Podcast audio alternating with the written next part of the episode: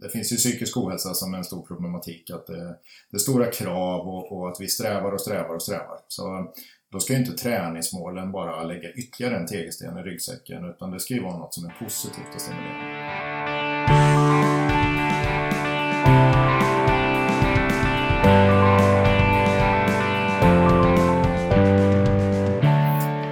Alright, vi är tillbaka. Uh, nytt år, 2020.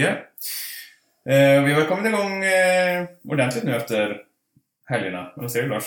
Ja, det tycker jag. Nu är det full fart här och eh, eh, det är ett nytt år och ny kraft. Många har laddat sina batterier här under helgerna. Ätit eh, praliner och druckit glögg. Nu talar jag för mig själv. Så att eh, nu är det full fart framåt. Ja, men det är gött. Och det syns även på eh, bokningar för pass. Och många har nog märkt att många av passen börjar bli ganska fullbokade för fort nu, så eh, var ute i hyfsat god tid om det är några tider som ni behöver ha in i er träningsvecka. Eh, något som är nytt är också att vi har döpt om våra pass. Eh, vi har ju döpt dem till Build, Move, Sweat och Team. Om vi börjar med Build snabbt då. Lars, vad är, vad är bildpassen? Det är våra styrkepass och eh, de har vi på eh, måndagar som dagens pass. Och sen har vi det som specialpass då på onsdag kväll och eh, lördag förmiddag.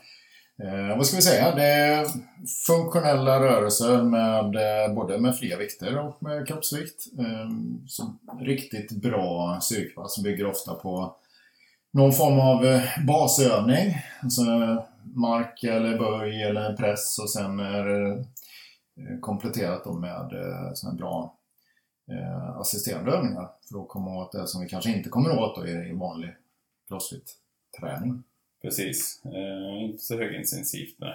Eh, Okej, okay, så har vi Move då. Det är ju våra traditionella pass, som man säger, crossfit-pass. Nu grundar sig allting i kanske crossfit så det sättet, men Move-passen då? Hur skulle du beskriva dem? Ja, det är, som du säger, det är så vi har jobbat en längre tid och, och hittat en riktigt bra form. Eh, efter eh, en anpassad uppvärmning så är det eh, styrka eller teknikblock. Och det kan skilja sig lite grann i, i omfattning och vikter och övningar och sådär. Det är ju som vanligt stor variation. Och sen efter det så växlar jag över då till den mer intensiva delen. Det som mm. kallas Metcon i crossfit-språk. Där man blandar då hög puls och hög intensitet med, med olika övningar. Precis. Eh, sen har vi Sweat.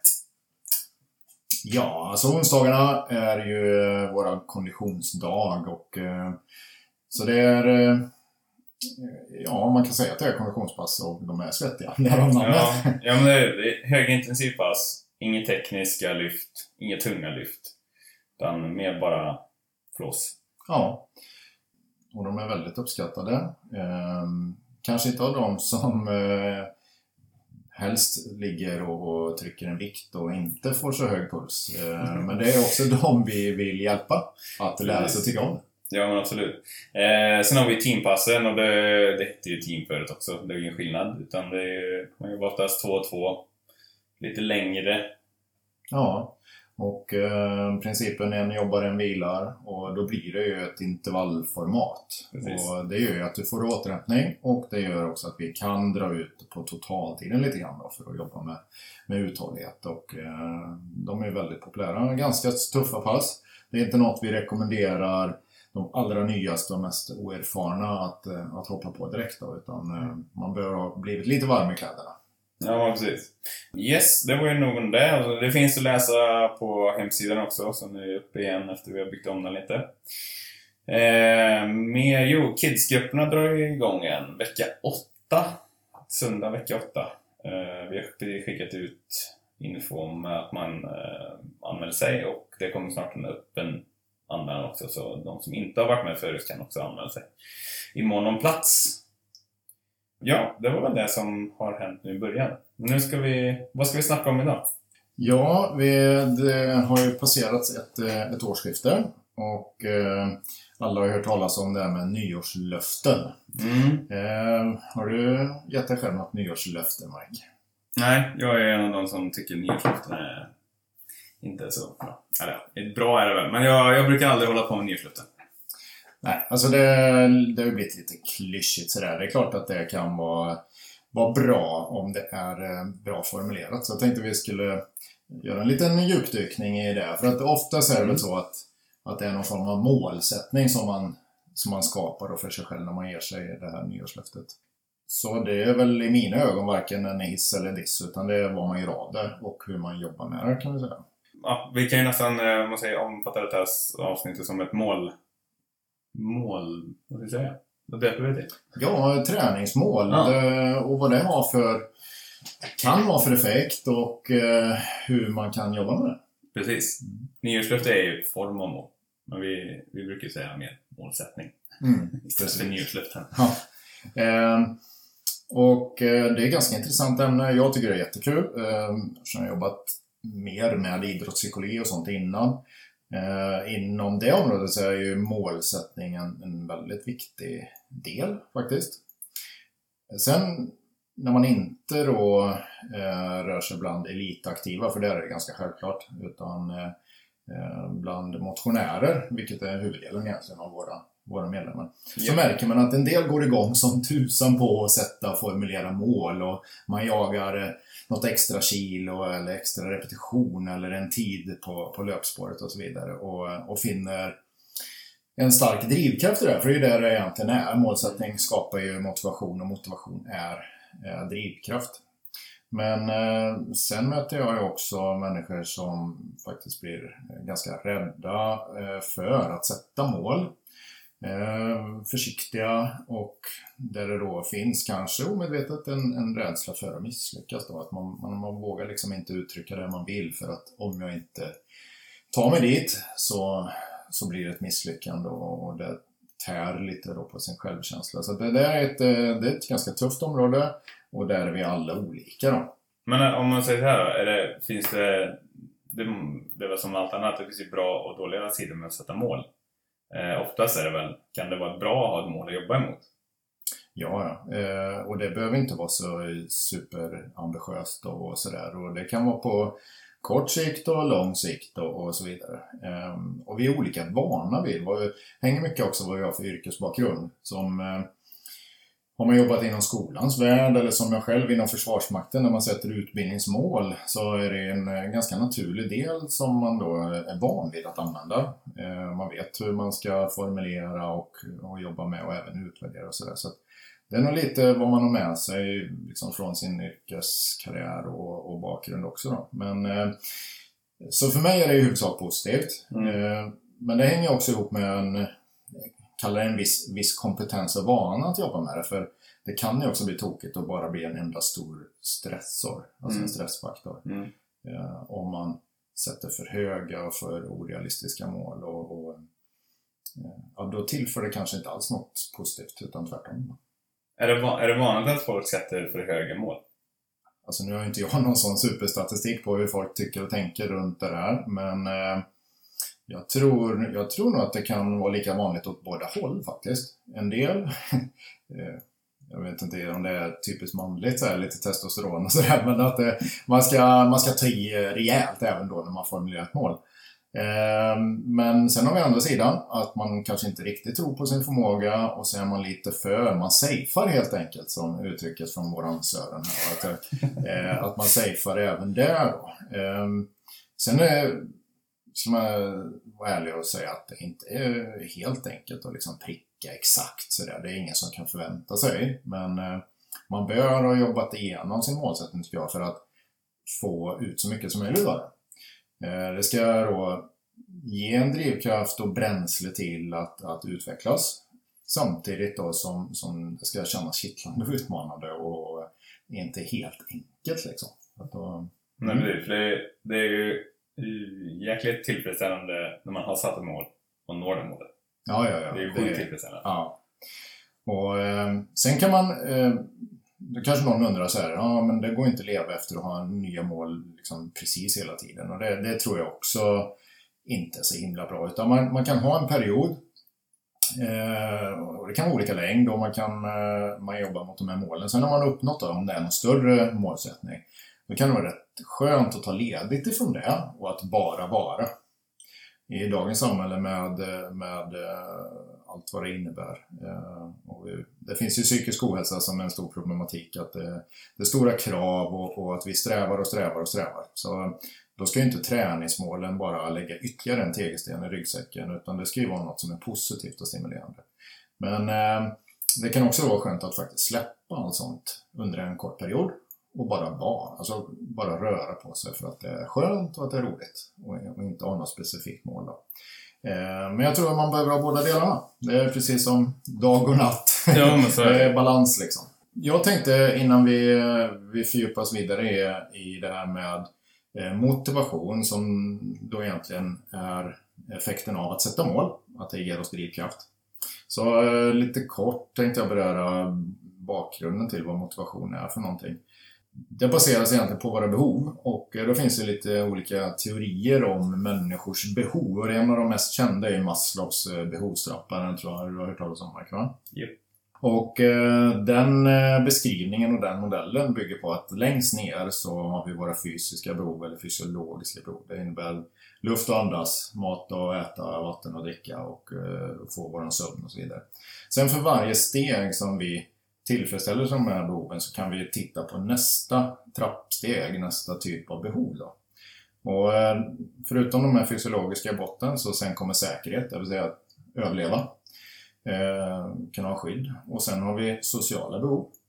Vi är sociala varelser som inte mår bra av att vara isolerade och uteslutna från resten av vår omvärld. Eh, och där innefattar också då kärlek. Eh, och nästa behov efter det är bekräftelse. Att eh, få uppskattning och, och eh, bli sedda och känna att man, man är någonting, duger till och att man kan bidra och så vidare. Och sen sista steget är självförverkligande, det vill säga vad, vad har jag för drömmar och vad har jag för saker jag vill utvecklas och, och självförverkliga mig själv. Då. Sen är det så att det är ju inte linjärt det här, utan vi vandrar upp och ner den här trappan beroende på vad som händer i livet. Det kan finnas stunder där vi är nere på första steget under en kort tid för att dagen efter fundera på vad, hur jag ska göra karriär på jobbet. Så att det, det där är, det är ett spel liksom upp och ner hela tiden. Um, så det är en, en, eh, en grundläggande teori, bra har förståelse för. Och uh, den övre delen av det, från sociala behov, bekräftelse, självförverkligande, där är mer en, en psykologisk del. Och eh, då säger också forskarna att vi har tre eh, psykologiska behovsområden som, som alla människor vill kunna känna uppfyllande av för att bli motiverade. Och då är det att vi ska kunna känna en viss grad av kompetens, att vi, att vi kan saker. Och eh, nummer två, det är självbestämmande. Alltså motsatsen är om man lever fängslad och man knappt får tycka som man vill. Det skulle vara oerhört eh, hemskt. Så ju högre grad av självbestämmande, ju mer motiverade är vi. Eh, och sen nummer tre, tillhörighet, att, att få det här i ett sammanhang. Sen finns det mängder av olika andra eh, teorier som faktiskt går hand i hand i det här, så att de, de, eh, de matchar faktiskt ganska bra. Det är ganska intressant egentligen om man, bara, om man drar det till hur, hur vi har det här. Kompetens, eh, att man lär sig nya grejer, det gör man ju ganska ofta här. Ja, och det, det är viktigt för oss att, att se att våra medlemmar alltså, utvecklas, inte bara så här blir lite starkare eller lite snabbare, utan också får en bredare, eh, alltså nu använder vi ordet kompetens, men det kan lära sig fler övningar. Mm. Och även eh, eh, självbestämmelse. Man, ja, du bestämmer ju över dig själv såklart, men eh, hur man gör i passen eller om man, eh, ja, hur man kunna översätta det här tror du? Ja, men alltså om man eh, gör det riktigt stort, så att säga, Mm. så det är ju att eh, ju, ju mer du kan bestämma över ditt liv och inte din kropp som begränsar vad du kan göra med ditt liv, då skapar det självbestämmande. Precis. Så om du har en kropp som är hel, frisk, stark och tillåter dig göra det din hjärna vill göra, då är du fri. Mm. Om du hade tänkt så här, åh jag skulle vilja göra det och det, men nej det kan jag inte för mitt knä inte funkar, min axel gör ont, min rygg värker, eller kan finnas ännu värre saker, så att säga, medicinskt och så. Men eh, då begränsar det ju verkligen eh, vad vi kan bestämma över, så att säga, i det stora hela. Då. Så är det. Eh, Och tillhörighet är ju ganska stor del här. sociala aspekten i vår träning, passen. Och, Eh, det är inte helt omöjligt att man finner ny bekantskap. Nej, och det här med det engelska ordet community som är, som är en viktig del och en, en eh, väldigt utmärkande del i Crossfit just, är ju, det, det är inte något spelat eller något eh, konstruerat eller som finns någon affärsmässig syfte bakom utan det är bara en genuin glädje för träningsformen och en genuin empati för varandra. För här blir man glad av att en en annan person i gruppen man tränar ihop med lyckas med någonting. Eh, och man delar med sig av tips och tricks och, och man lyfter varandra. Och det, det är helt fantastiskt. Mm. Så visst, det är en, det är en jättetydlig koppling till Ja, precis. Ja. Mm. Uh, ja. Eh, för att runda av lite grann den här motivationspsykologiska eh, teorin då, så ytterligare ur de här tre områdena som är gäller för alla människor. Sen kan vi vikta dem lite olika. För en del är ett område eh, närmare hjärtat om man säger så, och andra mindre. Men eh, eh, utifrån det här så kan man plocka sex delområden då. Och jag tänkte dra snabbt bara. Det är samhörighet, eh, och den är kopplad under tillhörighet då, så att säga. Och bidra, eh, utveckling, signifikans, det vill säga att vara, vara sticka ut och, och, och eh, vara extra bra på någonting. Variation är väldigt viktiga för vissa människor och så har vi trygghet. Då. Och eh, de här, enligt, enligt den forskningen, den teorin, så har alla människor de här och vi föds med det. Sen eh, har både du, Mark och jag två av de här som är dominanta. Och eh, det är väldigt spännande att, att, känna till det och det är långt ifrån alla som, som gör. Eh, men då har man ju förståelse varför man reagerar som man gör. Mm. Varför jag tänker runt kanske målsättningar som jag gör kontra en annan person. Eh, för här finns inget som är rätt eller fel. Utan är, vi är olika. Precis som vissa är blonda, vissa är mörkhåriga, vissa är långa, vissa är korta så har vi olika medfödda psykologiska behov. Men om vi då kämpar emot de behoven för att kanske samhället tycker något annat eller gruppen jag umgås med tycker något annat. Vad tror du händer då? Om vi, vi försöker uppfylla behov som som jag tror är mina men inte är egentligen. Ja, dels mår du förmodligen inte så bra till slut och sen så adverar ju inte det själv. Nej, och det blir Alltså i förlängningen kan vi börja prata om, eh, om eh, utmattningssyndrom mm. och så vidare. Psykisk ohälsa. Ja. Som sagt det här är en liten, bara en liten glimt på den världen och det här är någonting som som jag jobbar vidare med och extra med i en, i en särskilt projekt då, ihop med, med Lina som är en, eh, en jätteduktig coach här i, i Skövde och vi har det här projektet som heter Hållbar kraft och vi kom, eh, håller just nu på faktiskt då, och utarbetar en, en utbildning runt det här och mest kopplat då till organisationer och företag och hur man kan förstå det här eh, och därmed få sin personal att eh, både trivas och faktiskt prestera ganska bra. Det är de två parametrarna man helst vill gå ihop och det, det är även för sig själv att trivas med tillvaron och sin träning och samtidigt få resultat. Ja.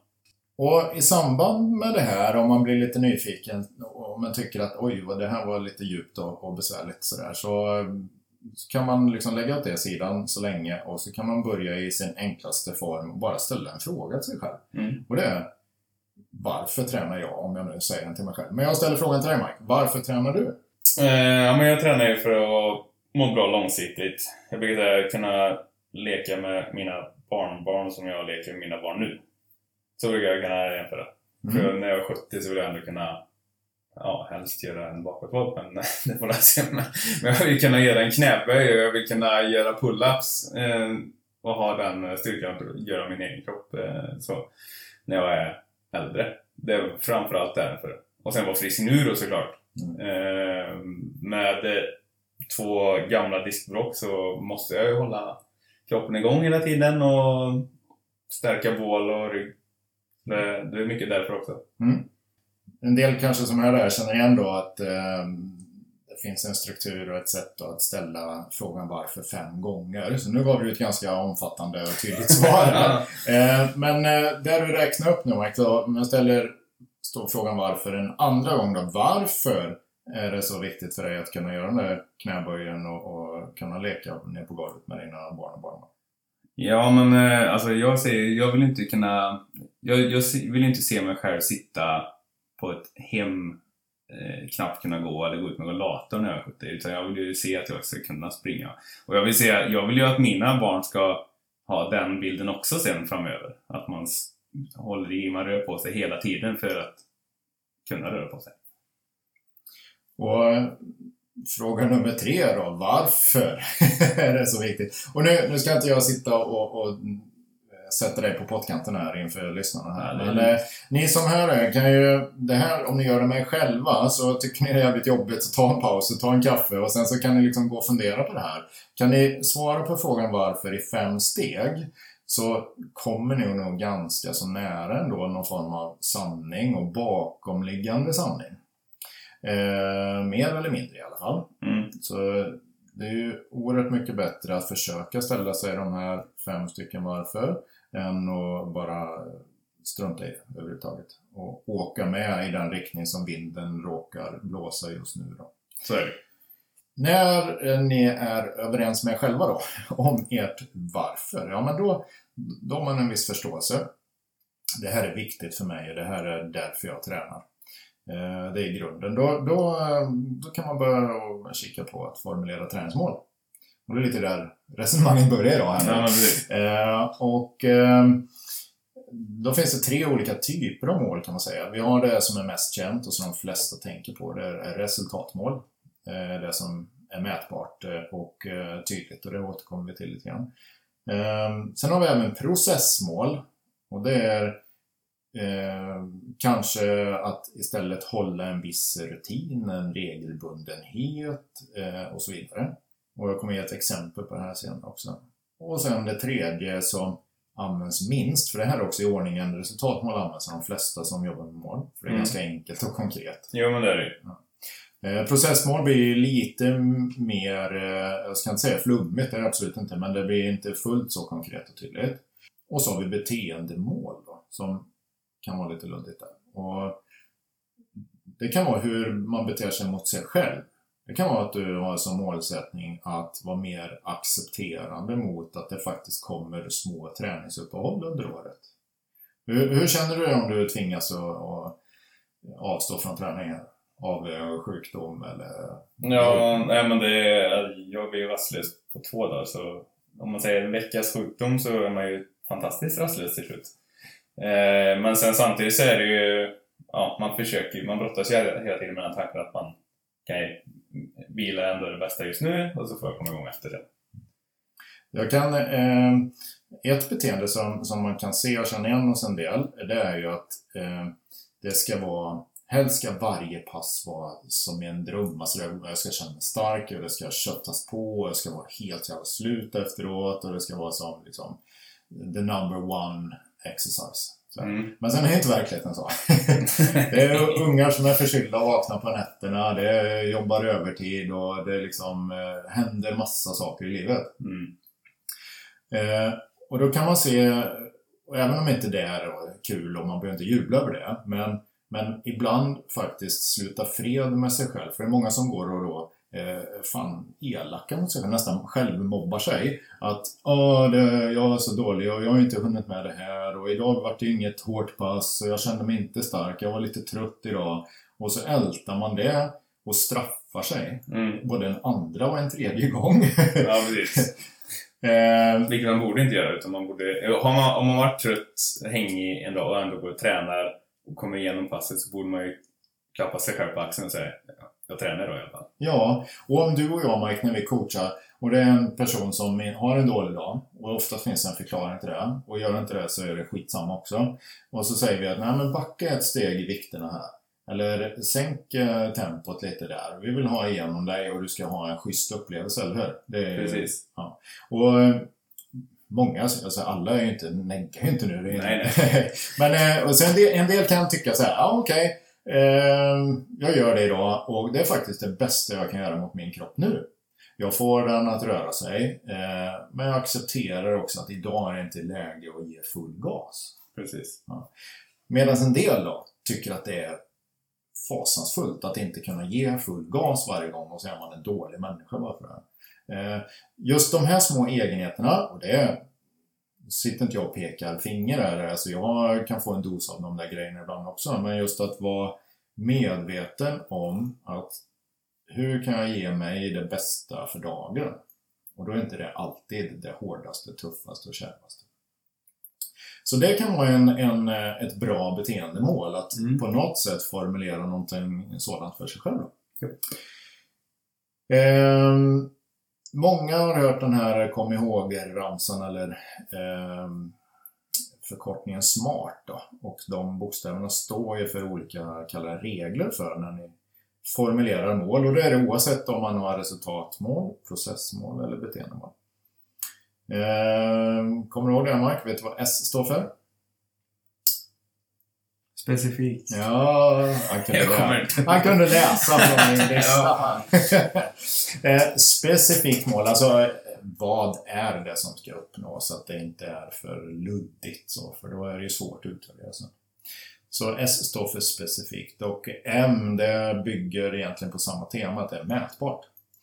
Um, och i Crossfit så är det ju tack vare grundaren Greg Glassman så är det ju som upplagt för att det ska kunna vara mätbart om man vill då. Mm.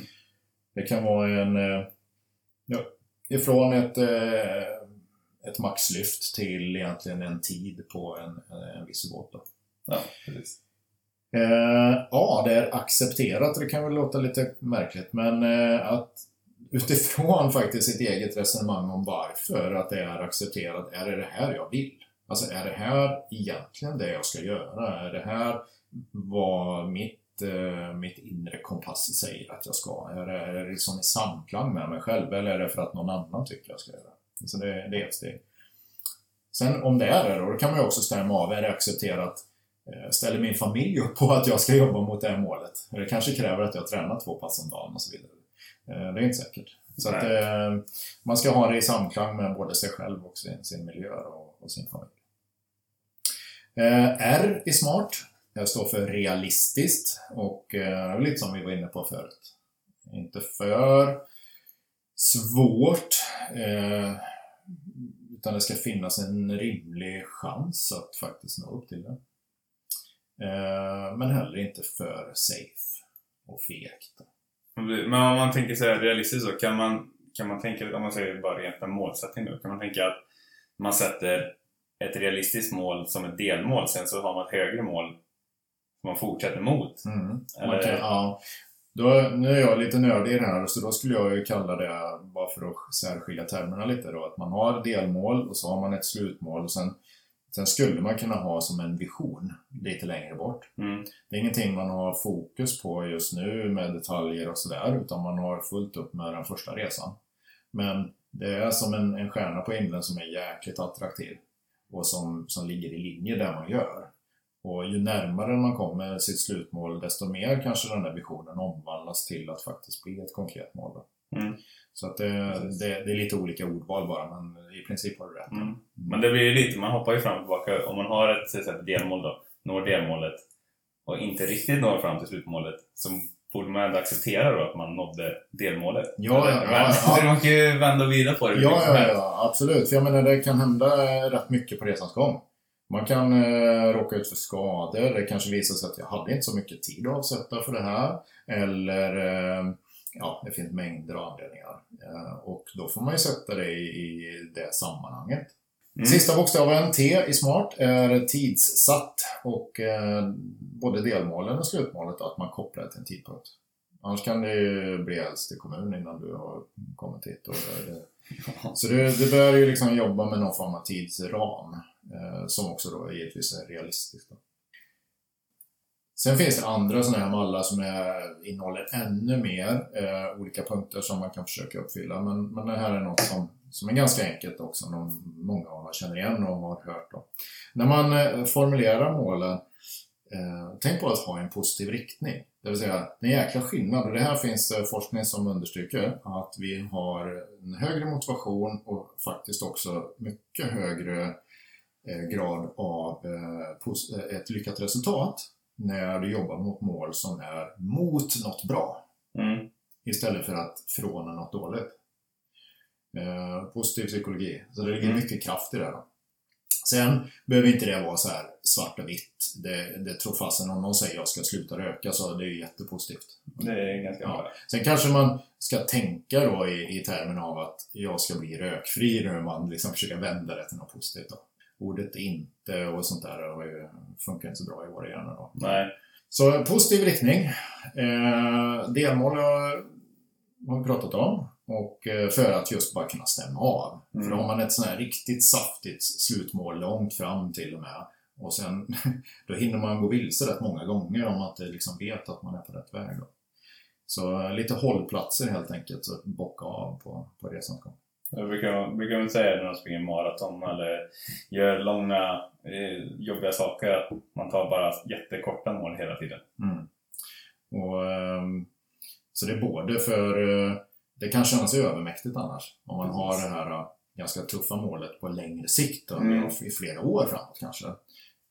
Men också för utvärdering. Alltså vad behöver jag göra för justeringar och förändringar för att det ska liksom fortsätta framåt. Så, eh, så det finns flera, flera fördelar med. Mm. Jag har nå- några superenkla exempel på målformuleringar. Eh, Så ett resultatmål, det skulle kunna vara så här. Jag ska klara 5 reps på 100 kilo i frontskott med stång senast 1 november 2020. Okej, det är specifikt, det är frontskott med stång. Det är mätbart, det är 100 kilo. Det är accepterat, ja det ligger i linje med vad jag vill och det är okej med min omgivning. Eh, realistiskt, ja, utifrån sitt nuläge och det är tidsatt. Mm. Så svårare än så behöver det inte vara egentligen. Nej.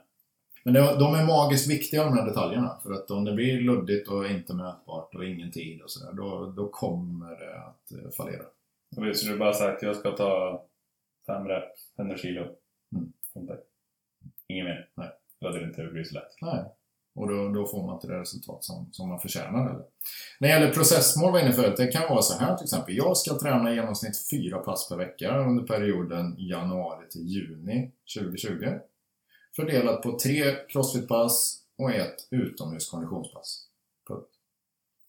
Det säger ingenting om hur något resultat, men det är mätbart på det här viset att det är eh, mängder och kvantitet, att få regelbundenhet och få ett genomsnitt då, som uppfyller det här. Och det i sig vet vi alltså, att det ger resultat. Och det menar inte bara vi, du och jag Mike, utan det är liksom vetenskap att håller man fast i en rutin och, och ehm, jobbar på det sättet så får man, får man resultat. Japp. Sen utesluter inte det ena det andra utan man kan ha både och liksom, och beteendemål dessutom. Ja, Så skulle jag kunna ha ett beteendemål att när jag kommer till boxen så ska jag ge minst två komplimanger, positiva komplimanger till träningskamrater. Mm. Och då kanske någon undrar, vad fan är det för jävla vad, trevlig.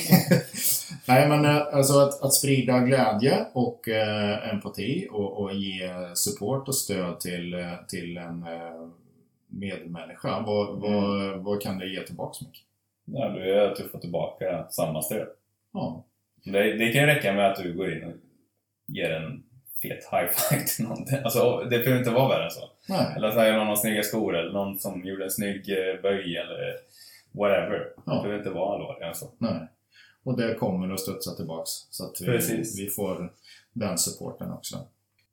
Förutom mätbara och specifika, accepterade, realistiska tidsatta mål här då, så eh, vad händer sen när vi har satt de här målen och vi är eh, på den här resan framåt? Ja, då upplever jag att många gånger tränande människor kan stöta på problem så blir det någon form av stopp och man kan bli sjuk och det kan hända olika grejer. Så. Eh, och så sjunker graden av motivation. Då kommer det här med uppföljning, eller som det, det är ett fantastiskt bra ord på engelska, accountability. Alltså att stå till svars för någonting mot någon. Precis. Så eh, jag vill verkligen slå ett slag för träningspartner. Och det är inte det att, då, att man måste hänga med en människa så fort man ska röra på sig. Men att man har en person, eller flera, man kan vara en grupp självklart, eh, där man tycker om varandra. Man har hyggligt samma ambition. Eh, Och det kan vara hos oss till exempel att man i huvudsak eh, är med på samma pass. Det kanske har blivit så för att man har ungefär samma tider. Vi ser ju faktiskt en del sådana här eh, subgrupp låter negativt. Så det, det, det, är inte på det sättet. Men, men vi kan se sådana här mikrogrupper som det bara råkar bli så för att de tränar samtidigt. Mm. Och som hittar varandra. Mm. Och som Ja, har precis. jävligt roligt ihop på våra pass. Ja, ja, och en del, man, en del kan ju vara att eh, man säger till det här då, som att det kan vara att man råkar träna samma pass en gång i veckan. Och det passet håller man sig lite ansvarig för, att man lite hejar på varandra eller eh, ja, sporrar varandra. Ja, och det kan vara så här, ah, vad var du i tisdags där, halv fem-passet här liksom? Och vi alla andra var här, vi saknar dig. Så här. Ja, okej, okay, så var det någonting liksom. Men då, shit, alltså jag, jag har min, eh, jag fick lite bekräftelse, jag har med den här tillhörigheten, eh, uppfyller lite sociala behov. Jag faktiskt eh, saknad här när jag inte är här och så vidare. Och det, det där är skitviktigt för oss. Men det gäller att upprätthålla då sin, sin motivation mot sina mål. Då, då, då kan man ju eh, länka ihop med någon person eller ett par stycken och där man faktiskt delar med sig av sina mål. Det är skitviktigt. Så Mm. vi, inte, vi inte sitter och filurar här med de här fina reglerna och formuleringarna och så är det en lapp i, brev, i byrålådan som ingen vet om. För då kan du faktiskt mörka. Ja, det är ju så. Men har du liksom offentliggjort det, du behöver inte göra det för hela världen, liksom, men att du väljer ut några som du har förtroende för eller de där hemma, familjen och så vidare. Eh, för det är ju viktigt också att förståelse, inte bara det att sporra och hjälpa utan också faktiskt ibland att, eh, att ha förståelse. Då för. Mm. Så accountability, det är ju en, eh, jag tror en jätteviktig del i att få saker gjorda. För att det är ju så, om vi skulle köra ihop jag och Mike så kommer det vara perioder under året när jag kanske är lite låg eller har mycket att göra eller tycker att ja, inte riktigt, jag känner mig inte riktigt på hugget. Och då är du tvärtom sannolikt. Eh, och så kan du vara en dragande loket. Se till eh, få hit ditt feta arsle nu så kör vi. Eh, yes sir, säger jag då. Och så gör jag det. Va? Och sen i nästa läge så kanske det är tvärtom. Mm. Och sen upplever vi perioder när vi båda är på topp och vi kan tuppfäktas och fightas och ha svinkul. Så. Ehm, och så är det i livet. Men eh, det handlar ju om att ge och ta. Alltså, Ja. det, du ger och sen när du är lite på i dippen så får man tillbaka det. Mm. Så, ehm, ja men det, det här, jag eh, tycker det är svinkul och intressant och eh, kommer att jobba mycket mer med det här i andra sammanhang mot eh, andra grupper och organisationer och eh, på ett annat plan. Men eh, Men det, vi har ju egentligen bara nuddat för det här. vi har bara nuddat vid det. Det finns vi- så mycket. Ja, men, men om, man, om man säger så här då. Eh, en konkret grej som någon kan göra som lyssnar på det. Mm. Vad kan det vara? Om vi säger, det kan vara mål, det kanske är enklast att göra konkret. Mm, mm. Men jag, jag tycker, eh, där vi börjar då, ställ dig frågan varför fem gånger. Mm. Alltså, ehm, sen om du kommer på något så här klockrent svar eller någonting, ja, okej då, men eh, du har börjat reflektera över det. För det är ju liksom grunden, varför, varför gör jag det här? Eh, för finns det en äkta inre glöd, man skiljer mellan inre och yttre motivation. Mm. Yttre är om jag skulle betala dig här för att träna, då får du, får du liksom pengar. Du tycker det är jävligt tråkigt och pissigt men du, gör det för att få någon form av belöning. Så, så fort den belöningen upphör då kommer ju inte du att träna längre. Nej. Det är en väldigt dålig liknelse, för du är inte sån. Men eh, så alla förstår. Ja. Eh, Men om vi drivs av en inre glöd för att vi mår bra och det är viktigt för oss, då, då blir det en annan långsiktighet och, Mm. och mycket högre motivation. Så eh, här det finns många parametrar. Så hitta ditt inre kompass, ett ord jag brukar använda. Alltså vad, vad är det som är viktigt för dig? Mm. Vad har du för grundläggande värderingar? Eh, och utifrån det då koppla det mot din, ditt, ditt träningsliv och din träningsvärld. Det går ju kopplat till yrke och privatliv Ja, och allting sånt. Men just hur påverkar din träning? Eh, och sen är det bara att titta då, okej, utifrån det, vad, är, vad kan jag ha för andra mål då? Så ställ dig frågan varför. Eh, utifrån det, titta lite grann på hur, vad skulle jag kunna ha för träningsmål det här året? Och det behöver inte vara en massa centimeter och kilon och sekunder, utan det kan vara som vi sa förut, ge en komplimang till någon när man kommer hit. Mm. Eh, Ja, alltså, I all enkelhet. Ja. Allt är bättre än inget. Ja, ehm, Ja, men vi, vi, som sagt, vi, vi berörde ju bara detta. Eh, och vi ska ju fördjupa oss i detta lite mer. Jo, men jag har det på lager här nu. Det, jag har inte annonserat det. Och det är, vi försöker ge lite sån här extra eh, material jag säga, till våra medlemmar. Vi har haft det i, i, runt eh, Axel Prehab tidigare, alltså gratis workshops. Mm. Och eh, det tänkte jag faktiskt eh, annonsera ganska snart eh, i det här ämnet. Mm. Och då inte teoretisera allt för mycket utan faktiskt jobba med några effektiva, bra, praktiska övningsmoment. Inte fysisk träningsövning utan öva i hur man kan eh, eh, belysa det här på ett bra sätt. Precis, det, det tror jag kommer bli jäkligt ball. Även om man, eh, en del kan ju tycka att det blir så här, man är lite jobbigt att gå på sånt där. Men det, du, du kan ju lätt, eh, lätta stämning. så, Eh, Jag drar väl något pubertalt skämt där, så, så är vi på banan igen. Nej men det, det, om, man, eh, om, man, om man är lite så här, intresserad eller bara sugen på att utveckla det ämnet eller bara tycker att det, sätta mål, det har jag aldrig gjort. Håll utkik på det. Ja, och eh, det kan vara så att vi återkommer eh, längre fram i något poddavsnitt eh, runt något av de här eh, delämnena också. För det, det är något som finns med oss varje dag faktiskt. Precis. Eh, gött! Nu ska du ha massage Lars. Så det, Ja. nu avrundar vi här. Tyvärr inte på mig själv, men jag ska utföra en på en, en kund. Precis. Så jag behöver rusa härifrån. Yes, men jag tycker vi, vi, vi fick med ganska mycket, om man säger, övergripande. Sen som sagt får ju gå in på alla grejer hur mycket som helst. Men, eh, och är det någon som har några frågor, dra ett mejl. Absolut. Så det, det hjälper vi till. Eh, grymt! Nu försöker vi ha en eh, hyfsad kontinuitet på poddarna då, när alla ledigheter då är slut. Så då ska vi kunna komma ut med ett om typ två, tre veckor igen. Yes. Gött! Gött! Ha det bra där ute. Peace! Yes, bye.